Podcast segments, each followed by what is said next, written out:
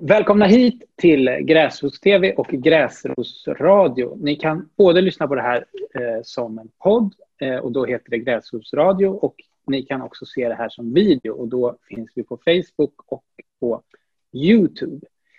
I det här avsnittet så ska vi prata om Järvaområdet och situationen där. Det är det område eh, där coronasmittan är som eh, värst med många döda och eh, smittade. Och om man säger att Stockholm är det område i Sverige som är värst drabbat så är ju Järvaområdet det område i Stockholm som är värst drabbat. Och vi ska prata lite grann om varför det är så, men framför allt om vad som görs för att hjälpa människor i Järvaområdet, hur, hur människor, hur föreningslivet i Järvaområdet är aktivt och försöker hjälpa utsatta grupper och med mig för att prata om detta har jag Anders Östberg som är socialdemokratisk riksdagsledamot och eh, initiativtagare till Järvahjälpen. Välkommen hit Anders. Hej, tack så mycket. Eh, och du kanske kan börja med att berätta om eh, ja, hur, hur, det här initiativet kom till. Mm. Nej, först så när corona började, började komma till Sverige så var det många sådana stora nationella initiativ på Facebook och andra grejer där, där, där folk skrev så här Hej, nu samlar vi hela Sverige i den här Facebookgruppen, nu hjälps vi åt över hela Sverige och så vidare. Men så tänkte jag så här att ja, men det, här, det här kanske inte är så optimalt eftersom att eh, det kanske inte är så optimalt eftersom att Alltså det var någon som bodde i Piteå och så sa jag kan hjälpa dig som bor i Lund och sådana grejer. Så tänkte jag, ja, men det, det, det, det, funkar inte riktigt. Även om det är jättebra, jättebra initiativ och jättebra den, de som startar igång de här grupperna. Alltså fantastiskt bra. Men då la jag ut på min egen Facebook och skrev så här. Hej och hå allihopa. Är det någon som blir sjuk i corona? Ni kan höra av er till mig. Eh, jag, jag finns här. Och eh, sen tänkte jag ett varv till. Så tänkte jag så här, men tänk om jag blir sjuk då? Eh, då är inte det så smart att säga att jag kan springa runt här och bli och vara smittad och sjuk och handla åt äldre människor och folk i riskgrupp eller folk som har blivit sjuka. Så då mm, tänkte jag, men om, jag, om jag hör av mig till några andra personer som är i främst arbetarrörelsen, Folkets Husby, eh, Hyresgästföreningen, Unga Örnar, Seko Stockholm och några till. Många av dem bor ju här ute också. Eller alla av dem bor ju här ute. Så att, jag, jag hör av mig till dem och så kollar jag om inte vi kan bilda någon mer typ av organisation istället för att om ifall att vi har många människor och vi har det uppstrukturerat då klarar vi, just eftersom vi inte visste hur den här pandemin skulle se ut, då klarar vi liksom att bli utslagna ett helt gäng och ändå ha folk att kunna sätta in. Så det var så vi startade Järvahjälpen. Helt enkelt. Först var vi några personer och sen så har då vi anslutit organisationer. Du bor själv i, i Akalla. Eh, ja, precis. Och, och så, så du, ja, du, du har ju bra kontakter och rötter där. Eh, och, och, då kan man ju säga att Järvaområdet är ju, det är ju eh, den blå linjen, tunnelbanelinjen. Och, och, mm, och den mm. förgrenas åt ena hållet då är det Akalla, Husby och Kista och på andra ja, hållet är det, är det eh, Tensta och Rinkeby. Fast andra och hållet. Hjulsta. Och Hjulsta, ja just det. Ja. Så det är det som är själva eh, området. Eh, hur, hur, skulle du beskriva liksom, Järvaområdet? Eh, vad är det för typ av område? Mm. Alltså, jag skulle beskriva mina egna ord. Som, den stämmer, stämmer sällan överens med den mediebild vi har. Den mediebild som brukar vara det brukar vara när man brukar beskriva olika problem. Då brukar vi hamna på, på kartan. Men det är faktiskt ett helt fantastiskt område med jättefina grönområden, fantastiska människor. Eh, vi har badhus, vi har idrottsanläggningar, vi har, vi har allt möjligt här. Och faktiskt även en väldigt stark sammanhållning mellan människor. Vilket jag också tycker är jätteviktigt att betona. För att eh, det är lite... Nu vet jag att du till exempel, du, du har ju alltid bott i Stockholm tror jag, mer eller mindre. Eh, något år i Dalarna kanske. Men, jag har bott i Rinkeby faktiskt. Ja, du bott i Rinkeby. Ja, men, om man ska beskriva det så är det lite som en, kan man säga, en, en positiv bykänsla. Alltså folk bryr sig om varandra, folk hör ihop, man, man vet liksom lite vad som händer med folk eh, så, på ett bra sätt. Så, så skulle jag alltså, främst vilja beskriva Järvaområdet. Hur länge har du bott där? Jag har bott här i över tio år nu. Ah. Och innan dess bodde jag i ett annat eh, miljonprogram nere i Borås. Ja, just det. Eh, och, och, du är ju, jag var sådär lite fördomsfullt så tyck, tänker jag att du är en, en lite ovanligt riksdag, ovanlig riksdagsman i det att du är ju väldigt aktiv sedan tidigare. Det är inte något nytt att du är engagerad i lokalområdet utan du är ju en föreningsmänniska som, som är väldigt engagerad i Unga Örnar då som, är, som har så här barnverksamhet, arbetarrörelsens barnverksamhet. Mm. Eh, och, och på andra sätt också kanske. Mm. Alltså här, här jag, jag, det blev ju lite tvärtom för mig för att jag engagerar mig ju här ute i Järvaområdet kanske främst just för att om man vill ha någon typ av förändring, man vill se olika saker, då tycker jag att partipolitiken är det bästa sättet att uppnå den. Men vid sidan av det så har jag bland annat simskolor, vi har demokratiskola för barn och sådana såna grejer. Just bara för att eh, jag tycker det är viktigt att alla ska kunna veta hur man ska kunna påverka i samhället. Och det är extra viktigt här ute i det här samhället för att många människor som bor här ute, de, vad ska man säga, det är fantastiska människor, det är demokratiska människor i naturen men man vet inte alltid vilka nycklar man ska använda. Och då tycker jag att har man den kunskapen eller har man liksom olika ingångar då ska man också stilla dela på dem. För det är också en demokratifråga. Så det, det är så igenom och det är väl också därför som det var ganska, kan jag säga inom situationstecken lätt att starta Järvahjälpen just eftersom att jag och mina vänner, vi har breda kontaktnät i de olika organisationerna. Vi känner till varandra och det var många som ville ansluta sig. Och nu har vi, väl, nu har vi fler frivilliga än vad vi behöver eh, stödja med handling och sånt, eller enklare ärenden här ute. Och det är också väldigt fint, för det innebär att vi skulle kunna klara en rejäl pandemi, känner jag just nu. Och ändå klara av att handla och hålla på. Hur många är ni? I, Frivilliga nu? Um, ja. nu? Vi använder ungefär fem till sju personer åt gången. Uh, och så har vi delat in det då, kan man säga, i olika så här varv. Just för att om för att det blir... Just med tanke på att vi vet inte hur pandemin skulle slå till. Nu har den slått till väldigt hårt hos oss. Så vi är, första, vi är fortfarande inne på första linjen. Och det är sju personer. Det är jag och sex stycken till som handlar. Och eh, då är det två av de här som varit utslagna då i corona. Så vi är fem kvar just nu som handlar. Och så tänker jag om vi går ner till kanske tre personer, ja men då sätter vi in fyra nya. Okej. Okay. Så, så, ni... Jo, och ni... för att svara på frågan också, förlåt. Ja. Uh, jag tror, så jag inte ljuger, men jag tror att det är kanske en 50-60 som vi har på en frivillig lista. Okej. Okay. Men mm. vad då? menar du att ni varje dag så är ni fem till sju personer som, som är de som är ute och handlar? Nej, utan vi har fem till sju personer som kan, man kan kalla som är aktiva just nu. Och så de resterande 40 till 50 personer, de är passiva. Och så när de här första 57 är på lågt antal eller liksom nedsatta, då sätter vi in nästa gäng. Okej. Okay. okay. Um, ehm, och men, men det, är, alltså, det är inte bara det att ni handlar, va? utan ni, ni har gjort andra saker också. Ni har informerat på olika sätt, mm. eller? Mm. Ja, i, i början då så tyckte vi det var viktigt att nå ut dels som information om själva coronaviruset, men också information om att eh, det finns folk i Järva. Om ifall att du är äldre, om ifall att du behöver isolera dig eller är i riskgrupp. Då finns vi, så vi informerar på 20-tal olika språk på sociala medier. 25 språk någonting kanske vi kommer upp till till slut. I sociala medier och på, även på anslagstavlorna informerar vi dels om coronaviruset och sen informerar vi också om eh, att Järvahjälpen fanns om man skulle behöva den. De flesta eh, har ju liksom släktingar eller grannar som handlar åt dem men det är ändå rätt många som hör av sig till oss för att några då för att de behöver oss och några för att de kanske inte hela tiden vill använda sig av sina släktingar utan då vet de att då finns vi som bor här ute också till för dem.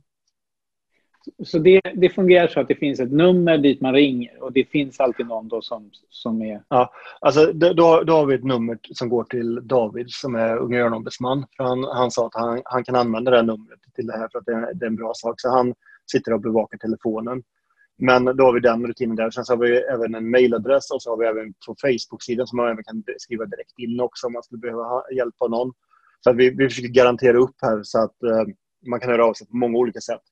Och det viktiga är ju också att man ska få bekräftelse på att, eh, eller svar, för får man inget svar eller får man inte bekräftelse, eh, då ska man höra av sig igen, för då får man garanterat svar eller bekräftelse på sin fråga.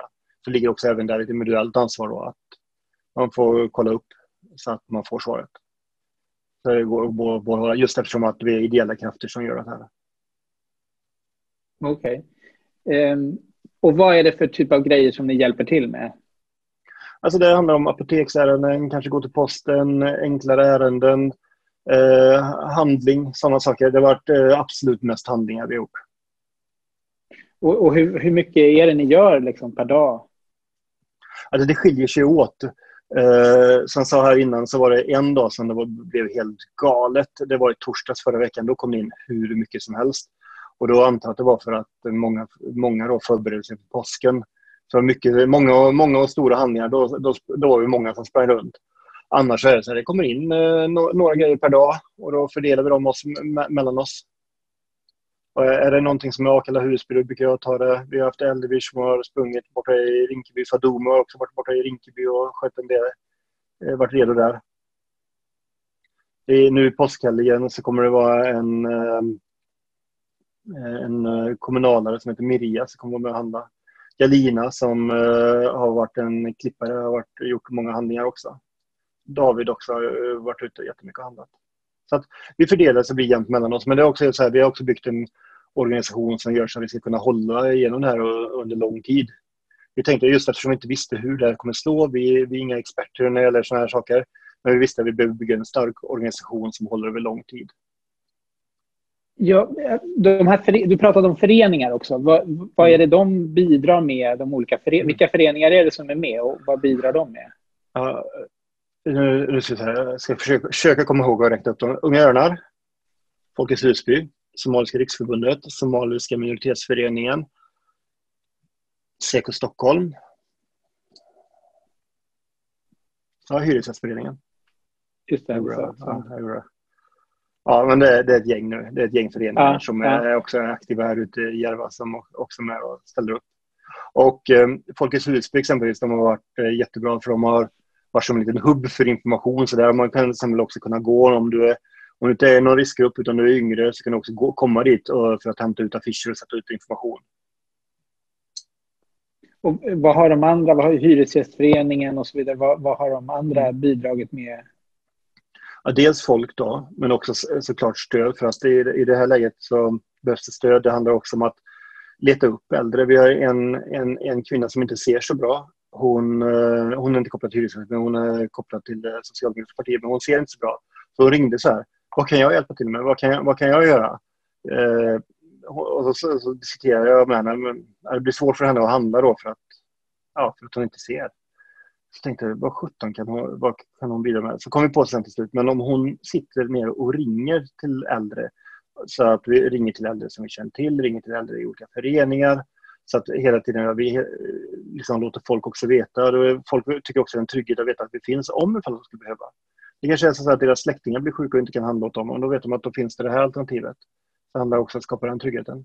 Hyresgästföreningen de har också ringt runt till eh, alla sina förtroendevalda ute i området för att också vara med och kunna rigga organisation. De har parallellt, eh, nu är Järvahjälpen här ute i Järva stort, men parallellt till den så har de projektet Goda grannar. Esme Guler eh, är den som liksom tar emot alla som... Hon jobbar på Hyresgästföreningen hon är den, och bor i Husby. Hon är den som till exempel tar emot alla namn och sånt och för upp dem på listan så vi har en frivillig lista. På, på frivilliglistan. Men, men det, är så här, det, det, det, är må, det är många som hjälper till och sen så uh, roddar vi det här ihop då. Vi över nätet. Ja. Just det.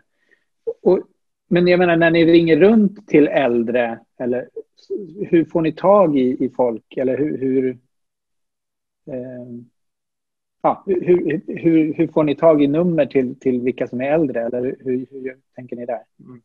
Alltså självklart med respekt för GDPR och sådana delar, men det är så att hon som ringer runt eh, hade vi tack och lov då att hon är medlemsansvarig i en massa olika föreningar, så då har ju hon tillgång till många nummer.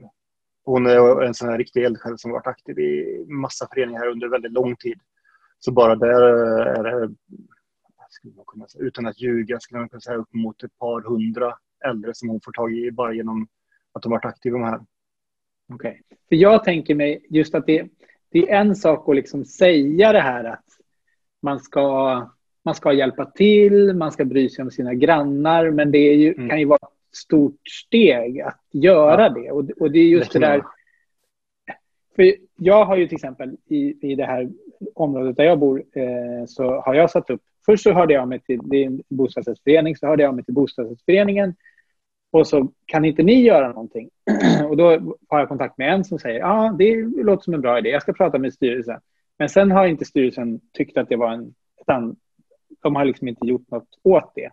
Eh, utan jag har satt upp lappar själv. Men jag tänker mm. att det är, det är liksom ett stort steg för någon att eh, ringa till sin granne. Det är, mm. Att de ringer till mig, även om de har det så tänker jag att det är, liksom, det är en stor eh, ja, blockering där för människor att, att verkligen ringa. Så jag tänker, mm. det är en bra sak som ni gör att det blir mer en formell struktur, att det är ett formellt nummer man ringer. Det, är inte, det blir mm. inte... Eh, och, och, och, det är det jag tycker skulle vara fördelen om, om bostadsrättsföreningar skulle kunna göra det här att man ringer till bostadsrättsföreningen och sen kan de fördela kontakten till andra så att det inte, mm.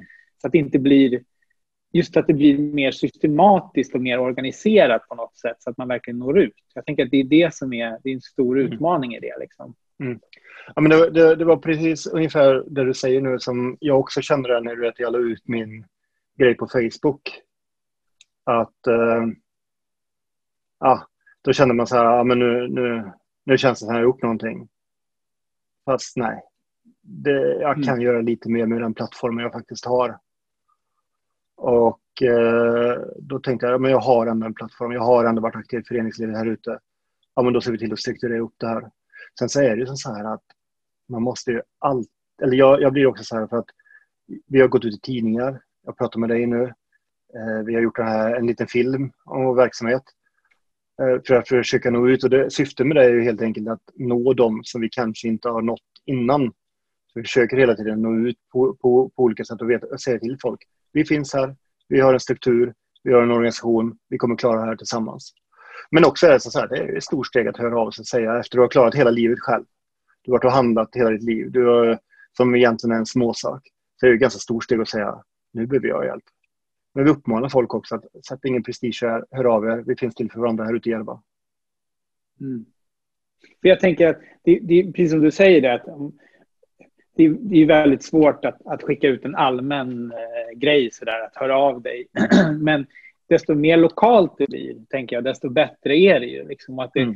det, det, skulle ju, man skulle ju önska att det blev ännu mer lokalt, liksom, att varje kvarter och, och liksom ännu mer så här. Mm. Eh, och jag tänker, det, ja, det är jättebra just när det är föreningsvis, så där, när föreningar i sin tur kan kontakta och mm. ha kontakter och så vidare. Mm. Nej, nej, nej, absolut. Och det är också en sån avgränsning som vi medvetet gjorde. Vi, vi tänkte så här, vad är det vi klarar av? Om vi kommer klara Järvafältet, det kan vi lova att vi kommer klara. Och därför håller vi oss också till Järvafältet. Alltså i, i, om vi hade haft, alltså om vi hade haft mer resurser såklart och ännu mer organisation och struktur, då är det självklart att vi skulle ta andra områden också. Och det är också så här beroende lite på hur corona slår. Vi har kapacitet nu skulle jag bedöma att kunna gå ner på stadsdelsnivå. Men just nu så har vi inte heller något behov av att göra det för att det är, alltså, det är hanterbart med andelen handlingar. Absolut hanterbart. Med den, med den nivån vi har nu. Så det verkar som att vi har lagt oss på en ganska bra, rimlig nivå. Mm. Mm. Um, Förutom vissa dagar då det blir så här, hopp, ja, ja, ja. Men eh, annars skulle jag säga att eh, det är ungefär vad jag hade förväntat mig i form av behov och med kapacitet vi har.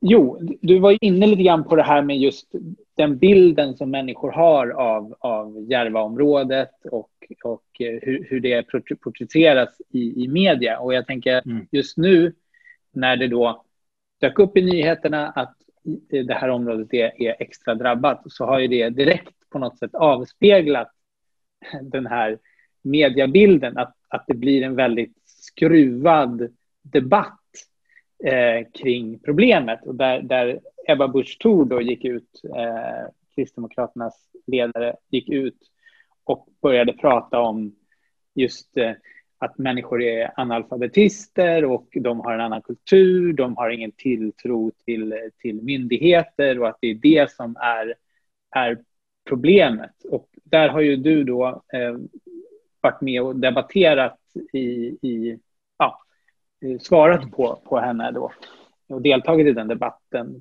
Kan du säga något om, om den diskussionen som har varit? Ja, men självklart. Alltså, jag, jag tycker att det är väldigt tråkigt eh, att den debatten kom upp överhuvudtaget, eh, måste jag säga. För att vårt största problem här ute är det ojämlika samhället. Vårt stora problem är att människor är trångbodda. Och ska man kunna bryta um, dödsfallen här ute, då måste man även kunna bryta trångboddheten. Det har varit ett av de slagorden vi har haft. Det är också därför för flera veckor sedan så sa vi att trångboddheten kommer kunna slå hårt mot Järvafältet och att det kommer bli dödsfall, eh, extra dödsfall här ute. Eh, och sa då att man borde evakuera äldre och personer i riskgrupp som bor i trångbott eller generationsboenden. Eh, men ehm, det tog då två veckor innan, två eller tre veckor innan vi fick gehör för det. Nu äntligen då har man gått med på att evakuera äldre och folk i riskgrupp som bor trångt. Det är bra, om än sent. För ännu fler veckor sedan så slog vi larm om att corona kommer drabba Järvafältet hårt. För vi märkte ju långt innan alla medier och alltihop att det var någonting som inte stämde här. Alltså det var alldeles för mycket ambulanser och det var, det var något som inte stod rätt till. Så slog vi larm till både stad och till landstinget i tidigt stadium. Eh, sen så kom den här debatten då med Ebba Busch Thor och, eller Ebba Busch. Och eh, alltså hon verkar ha missat också lite Järvafältets struktur. Alltså, många människor idag kan jobba hemma och det är jättebra att de jobbar hemma. Men på Järvafältet är det många människor som inte har den möjligheten att jobba hemma. Många har det, men absolut många har det inte. Här jobbar människor i industrin, här jobbar människor som undersköterskor, sjuksköterskor, läkare, eh, inom pedagoger inom skolan, förskolan. Alltså, så här, samhällsviktiga grupper som måste vara igång. Det går inte att jobba hemma. Och framförallt har vi också många som jobbar inom tunnelbanan, som kör våra tunnelbanor, eh, tunnelbanetåg och alltihopa. Så att människor kan inte jobba, jobba hemma i samma utsträckning här och samhället måste också rulla på. Om det är alla överens. Sen när det gäller informationen, jag tycker det är jättebra att man har gått ut med information, inga problem med det. Det är även bra man går, alltså även eh, liksom man kan säga att även informationen på svenska var ju inte jättestor innan coronakrisen stod till ordentligt. Så det är bra att den är också igång, om än sent på andra språk med. Men huvudproblematiken det är klassamhället skulle jag säga. Inte absolut att man skiljer sig, liksom att det skulle vara en annan kultur eller andra grejer här ute. Det som kanske skiljer sig rent kulturellt då, från eh, mina fördomar och hur det är på andra områden, det är väl att blir någon sjuk här, ja, men då går du och hälsar på den och sådana saker. Men jag har inte hört att det varit något sånt just nu under corona, att folk verkar ha tagit det allvarligt redan, redan från start. Men i vanliga fall till exempel, skulle jag, skulle jag få feber och bli sängliggande och, och jag skulle säga det, då, men då säger folk så här, ah, behöver du något, jag kommer förbi, det är inga problem. Bla, bla, bla. Så det, det, och det, det är en positiv sak i grunden. Men jag, säger, jag har inte hört någon, för att eh, man gick ut tidigt och sa att man skulle hålla det social distans. Jag har inte hört någon som har varit coronasjuk som har fått besöka en massa personer i Järvafältet i det här fallet. Men i vanliga fall så är det så här att man besöker den som har blivit sjuk. Men jag tänker, det, det, det är så lustigt just den här diskussionen då om att så här, de har inte förstått direktiven. Och vad är det för direktiv? Jo, direktiven är att eh, om, du har möjlighet, om, om du har möjlighet att stanna hemma, då ska du, eh, så ska du göra det. Om, om, du har möjlighet att jobba hemifrån så ska du göra det. Det är bara det att nu var det ju någon eh, ja, undersökning här som säger att, att 7 procent av, av LO-arbetare kan, mm. kan jobba hemma, men resten eh, kan det inte. Så det är ju mm. det är, det är så väldigt eh, olika. Och jag, jag tänker just, det, det, är den ena delen, så att säga. Man, man kan inte, när man jobbar från, inom handel, städ, eh, hemtjänsten, eh, bussförare och så vidare, så vidare de, de kan inte jobba hemifrån. Mm. Det är den ena saken. Alltså, och, den andra, min, och den andra saken är just det där att du, du inte ska umgås över generationsgränser. Och då om man bor, är det många människor som inte har det valet. Att de, de bor trångbott eh, flera mm. generationer. Eh, och, och, och, mm. så det, det, är liksom, det, det är så märkligt att man pratar om att direktiven inte når fram när det handlar om att man har inte de materiella möjligheterna att följa de direktiven. Jo, nej men eh, det är precis som jag säger, alltså klassamhället gör att folk inte här ute har några alternativ. Och eh, min pappa, han är busschaufför, pensionerad numera, men alltså bussen körs inte utan honom när han jobbar. Alltså, och det är likadant här. Bussarna går inte automatiskt. Du behöver en busschaufför. Mm. Och många busschaufförer bor här ute, det är mina grannar. Mm. Och, och jag tänker då att, att det blir också någonstans att det liksom visar upp eh, hur alltså riskerna med politik och kanske en mediebild som liksom inte är förankrad i verkligheten. Att det Ebba Busch pratar om och kanske den verklighet som speglas speglar deras egen verklighet. Det är liksom deras, deras situation där de befinner sig i en verklighet där man kan välja att ha videokonferens istället för att träffas på konferens. Mm. Eh, och, och, där man liksom har möjlighet att inte träffa sin, sin mormor eller så, därför att man, man bor liksom inte eh, tillsammans. Mm. Eh, och, och, det, och, det, är så, det, det är ju hemskt när det blir den här en moralisering över, över deras kultur som är problemet. Liksom att, att där ser man ju verkligen hur farligt det är när, när, när på något sätt eh, samhället delas upp. Liksom, vi behöver en politik som är förankrad i verkligheten. Mm. Alltså, jag, jag, vet inte, alltså jag vet inte hur hennes verklighet är. Jag, jag känner inte till den. Men däremot en grej som jag vet att många tog illa upp eh, av just hennes artikel. Hon pekar ut två grupper, en, en kristen grupp, framförallt kristen grupp och en framförallt grupp där det är många muslimer i sin artikel. Men det var ju också det att på den här långa, långa artikeln, inte med ett enda ord så beklagar hon de anhöriga sorg eller beklagar mm. att ha fått en vän, nära vän som har gått bort. Just med tanke på att det är hårt drabbat. Och det, det är väl också en av de delarna som gjorde att många blev ledsna över den artikeln. Förståeligt såklart, men Uh, och det var, det var en sån grej som det blev, det blev lite hårt. Å andra sidan så kanske det är coronatiden och man träffar väl fel och nu är det påsk och då måste man förlåta människor men det blev väldigt hårt där. Uh, så, dessutom så blev det, lite, dessutom så blev det stigmatiserande. Och dessutom då så, som jag tycker, så missar man även de riktiga problemen, det vill säga klassamhället. Och, och rent konkret så handlar det då om att ni, ni har ju då krävt att man ska erbjuda då korttidsboende mm. till eh, de eh, personerna då som behöver isoleras, mm. riskgrupper och så. Eh, och det är ju någonting som ni har drivit och, och som inte Ebba Busch kommenterade här och som, som då eh, ja, från, det var inte något som direkt fick gehör bland den, i den borgerliga majoriteten i, i Stockholm. Ja, nu har du fått gehör. Ja. Eh, och det är bra, om än sent. Mm. Ehm, och nu, nu, nu, är det klart, nu när, jag, när vi har bevis på att vi hade det. Tyvärr hade vi rätt. Men nu har vi bevis också på att vi hade rätt. vi sa redan jättetidigt Järvafältet är hårt drabbat. Det är någonting som inte stämmer här. De inledande svaren vi fick det var så här, men alla är hårdare drabbade. Och vi bara, fast det är någonting här. Det är någonting, någonting, någonting, någonting som inte känns rätt just nu. Och så visade det sig också att vi hade rätt. Tyvärr. Mm. mm. Och det är också på något sätt att det, det ja, det, det, är ett område där, där det liksom tar tid. Eh, det, det är liksom inte en, en verklighet eh, som, som direkt speglas i politiska beslut, utan, utan där det just det, det, det blir ett problem när, när förankringen, den politiska förankringen i, i de här områdena direkt inte kopplar in i riksdag och media och så vidare, utan att det är den här fördröjningen kan man säga. Mm. Ja, ja det, det, det, håller jag med om. Helt och hållet. Mm. Mm. Eh, och, men, men ni har ju drivit, ni har ju då att, att, att eh, eh, kommunen då ska, ska gå in och, och betala för hotell eller så för, för mm. folk då, eh, som behöver. Um, och det var ju någonting som då Socialdemokraterna och Vänsterpartiet har drivit då, som, som nu man, mm. man till slut har. Men det, det är ju inte det är ju i stadsdelsnämnden som har tagit det här beslutet, det är inte i kommunen mm. eller, eller hur är det med den saken? Ja, ja, precis. Jag ska bara säga också att Liberalernas eh, partiledare gick ut på Aftonbladet Debatt också och också tyckte att man borde evakuera trångbodda och äldre på nationell mm. nivå. Och mm. också, bra, också bra tycker jag.